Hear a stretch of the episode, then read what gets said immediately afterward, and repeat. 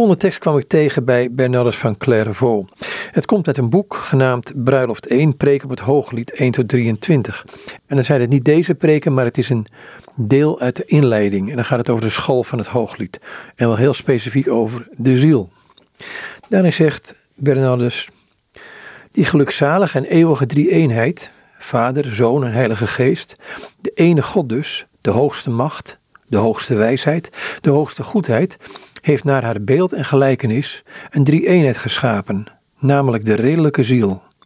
In haar bevindt zich als het ware een spoor van die hoogste drie-eenheid, dat bestaat uit geheugen, reden en wil. En dan gaat hij door over de val. Ze kwam dus ten val door verleiding, verlokking en toegeving. Van die hoogste mooie drie-eenheid, macht, wijsheid, zuiverheid, verviel ze tot een tegenovergestelde, en vervuilde drie-eenheid, namelijk zwakheid, verblinding, vervuiling. Het geheugen is immers machteloos en zwak geworden. De reden mist inzicht en licht. De wil is onzuiver en vervuild. En dan gaat Bernardus nog verder door op wat die val voor elk van die drie vermogens van de ziel inhoudt. Zolang het geheugen staande bleef, waren zijn gedachten bij de macht van de enkelvoudige God. Toen het viel was het alsof het op de rotsen stortte. Het brak in drie delen uiteen, namelijk in behoeftige, bedrukkende en nutteloze gedachten. Behoeftig noem ik de gedachten die er eigen behoeften betreffen, zoals de zorgen voor het levensnoodzakelijke, eten, drinken en al die ontelbare andere zaken. Bedrukkend noem ik alle gedachten die het beheer van de zaken om ons heen vragen. Nutteloos noem ik wat niet behoeftig nog bedrukkend is, maar ons desalniettemin verhindert om ons op het eeuwige te concentreren. Bijvoorbeeld wanneer je aan een galopperend paard of een vliegende vogel denkt. Ook de reden kent een drievoudige val.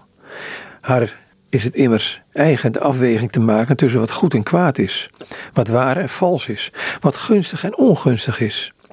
Bij dit onderscheid is ze door haar eigen duister zo verblind geraakt dat ze dikwijls het omgekeerde oordeel velt en kwaad voor goed neemt, vals voor waar, schadelijk voor gunstig en omgekeerd. Ze zou zich hierin nooit hebben kunnen vergissen als ze niet van het licht beroofd was, waarmee ze geschapen werd.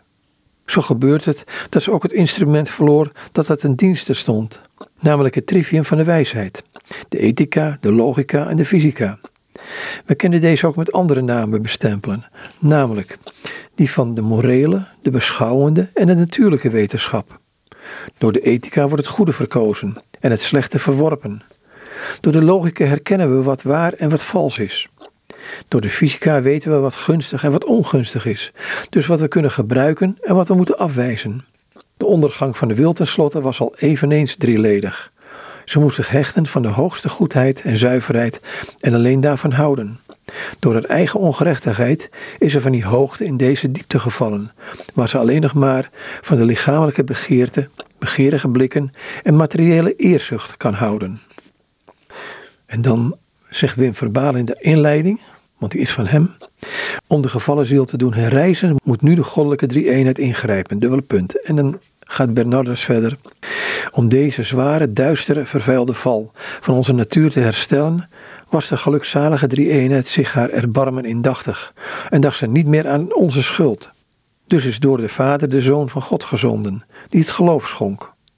Na de Zoon werd de Heilige Geest gezonden en hij gaf en onderrichtte de liefde. Door deze twee, geloof en liefde, is de hoop gewekt op de terugkeer naar de Vader. Het geloof heeft de reden weer licht gegeven. De hoop heeft het geheugen geholpen recht te staan. De liefde heeft de wil gezuiverd. Aldus Bernardus van Clairvaux. Dit komt uit de inleiding op het boek Bruiloft 1, Preken op het Hooglied 1 23 van Bernardus van Clairvaux. Het is een uitgave trouwens van uitgeverij Damel in Eindhoven.